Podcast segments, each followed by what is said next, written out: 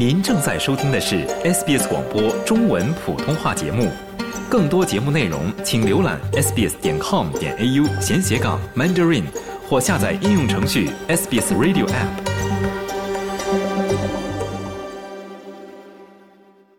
听众朋友，大家好！相信大家非常关注东京机场空难事件调查的进展。最新公布的结果呢，是日本当局表示，记录显示其中一架失事的飞机尚未获准起飞。那么，为什么会发生这样的事故呢？SBS 普通话节目也请来在澳洲的航空专业的专家来做分析。下面请听采访。好，现在我们请来的嘉宾是 Greenfield 大学民航航空专业的吴肖宇讲师，来跟我们分析一下最近刚刚发生的在日本羽田机场发生的这个航空事故。你好。吴老师，你好，你好，Lucy。吴老师，呃，刚刚发生的这次空难事故，那作为航空专业的老师，我相信您也是非常关注这个话题，是不是？是的，是的。我们在这个刚开年的时候，我们就看到这样非常不幸的新闻，但是不幸中呢，我们就可以看到关于整个事故中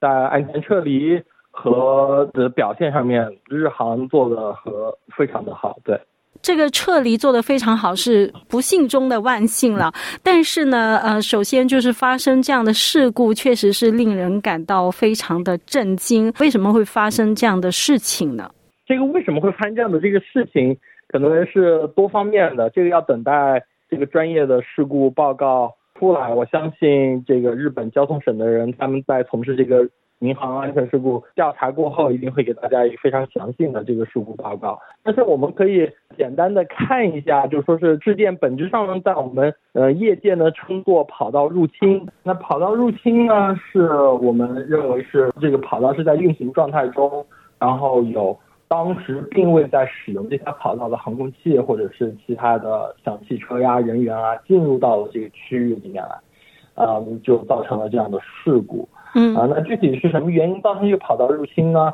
尤其你你想在嗯东京羽田机场，它算是一个这样的世界级的机场了，它的硬件服务设施啊什么都是非常完备的。这个海上保安厅的飞机在进入跑道之前，实际上他们的机场是有一个叫做进入跑道的等待灯。它羽田机场的跑道前面它是有一个等待灯，有点像我们日常生活中的红绿灯一样。实际上要接收到指令之后，这个灯才会变成绿色的，那让等待在跑道以外的飞机呢，能够看到这个目视的这个信号，说，哎，我可以进入这个跑道了。那么它也是有这些设施的，但是就是说为什么导致了这个海上保安厅的这个飞机没有能很好的遵守这些我们所设计的这个防范的这个系统的措施，然后最后提前进入了跑这条运行中的跑道。导致这样不幸的事故，这个是真真的是需要好好的调查研究一下，然后我们可以从事故报告中吸取这样的经验，然后对于别的国家和别的机场来说，我们也可以。进一步的改善这样的情况，然后呢，去防止这样的悲剧再次发生。那吴老师虽然说，我们从目前看到的，呃，日本有关部门发布的这些事故调查报告的初步的结果来看，就觉得还有很多就是不能够回答的问题。但是呢，是不是说这次的两架飞机，因为它是一个是属于这个保安厅的，一个是属于民用飞机，所以也会给这个调查造成一定的速度上的阻。阻碍呢？呃，这这这是有可能发生的，因为民用航空的运行标准和军方和国防方面运行的标准，嗯，它会有稍微会有差异在里面，会有些许的差异。那这个差异呢，就会可能导致他们在呃运行要求和工作时长方面可能会有对飞行人员是有不一样的要求的。就每个国家的这个情况实际上。不太一样，在民航方面呢，因为这个是基本上是全世界都是有非常呃类似和严格的规定，比如说一个飞行人员每每一个月飞行的时长一般不能超过一百个小时，而且就是值班时长 duty hour 不能超过一百个小时，一年呢它不能超飞飞行超过一千个小时，基本上这个是全世界大部分国家都在用的一个标准。那对于军方来说的话，它这个标准可能是完全不一样，因为军方的这个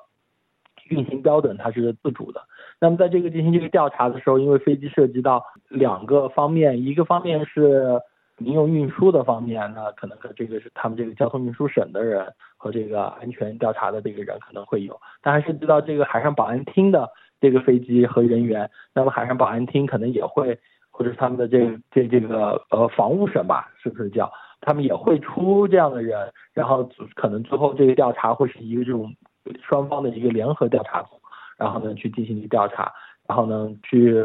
分析，哎，最后到底是什么原因造成了这个事故？所以就说进行调查的是两个部门，他们还要进行一些沟通和合作。沟通可能不是我们想象中就是争论啊，或者什么样子，他们可能是更多的是两个部门的信息，他们是分开呃存储的，然后呢，他们最后要把这些信息汇总在一起，然后坐下来一起去分析这个事故，对。因为国防的信息和这个呃一般民用的信息一般会是分开的。嗯，我还注意到您刚才提到说，可能就是军方的飞行员他的工作时长的规定，可能跟民用的飞行员又不太一样。考虑到这次事故发生了之前是就是日本的刚刚发生了地震，这个飞机呢是要。运送这个救援物资的，所以就是也有可能存在这个情况，就是说这个飞行员呢是呃比较长时间的工作，或者是说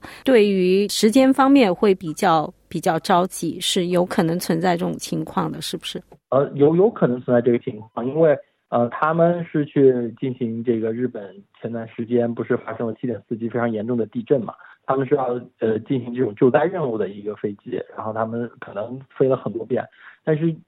造成他们可能会比较疲劳啊，或者或者别的什么样子的原因，但具体的原因我们还是要等待他们这个官方的这个呃事故调查的报告，这些都可能是是我们的一些揣测啊，我们可以可能认为可能会存在这样的挑战，嗯，因为面面临不一样的这种飞行标准和运行标准的时候，那有一方呢。呃，飞行员可能会处于比较呃疲劳的状态啊，然后导致并没有听清楚这个指令，然后进入了一条正在运行中的跑道。那么还还有一个方面也是呃，可能他们也会看的是为什么这个呃空中交通管制的人员啊，这是民用方面的，他们理论上来说，这个管制员是需要进行对机场进行一个全面的监控的。为什么他们没能够意识到这架飞机在没有接到指令的时候已经向跑道？呃，里面滑行了，那这些问题都是需要他们去呃好好的去看到这些具体的材料和信息，然后进行分析的。我们在这这里只能说，这可能是存在一些就是系统和系统之间的磨合的问题吧，或者说运行操作标准不一样会导致一些挑战。但是以前也可能存在这样的事情，但是为什么没有发生类似的事故呢？嗯，这都是要等待他们最终这个调查的这个报告出来之后，我们才能够呃大概知道啊这是一个什么样子的原因造成了这个事故。这个事故，嗯，一般来说从事故调查的这个角度里面来说，呃，我们大家现在所说从专业领域上面来说，我们现在所说啊，我们希望知道它是什么原因，是不是因为飞行人员疲劳呀，或者什么样子？实际上，一般的事故。调查报告它并不会这样写，它会写造成这个事故的原因是非常简单的，就是因为海上保安厅的这架飞机进入了这个跑道，一个跑道入侵事件，呃，这是造成事故的直接原因。那剩下我们分析的这些东西呢，是啊，飞行人员疲劳啊，能见度不好啊，也有可能是空管人员疲劳啊，导致他们没有能监控啊。嗯，无论是什么样，其他这些原因，它可能都只是对这个事造成这件事故的直接起因的一些英文叫 contributing factor。其实不是直接引起这个事件的原因，而是可能是 probable cause 造成这个事情发生的一些就是因素，而并不并不是说这样。所以说大家的理解可能是会有一点点的偏差的，在这个方面。嗯，包括你刚才提到的说，为什么塔台的指挥人员没有看到这个军方的飞机有异动？那有可能当时是发生在晚上的时间，所以能见度比较差等等。所以就是说很多不对的因素。突然都集中在一起的时候，就造成了这个万一的发生。对，所以我们能看到是，所以就是我想说的就是呢，一般来说，对于事故调查和这个事故的起因，实际上是我们看来是非常直观的。那事故原因就是因为这架飞机跑道入侵。那剩下的这些因素是什么样子的因素呢？去造成这个事件呢？它不是直接的呃关联，它是第二层的这这个东西，我们只能说它可能是可能对这个事故造成贡献的因素吧，然后它可能会列举出来，到时候我们就能看到哦，到底是除了是哪些事情对这个跑道入侵事件造成了影响，嗯所促成了这个事情，呃，但是它我们很难说这东西就是它的直接原因。嗯，那今天我们也非常感谢来自 Greenfield 大学航空专业的吴小雨讲师跟我们做的分享，谢谢你。啊，谢谢谢谢 Lucy。想听到更多这样的故事吗？您可以通过苹果播客、谷歌播客、Spotify 或者您喜爱的方式下载收听。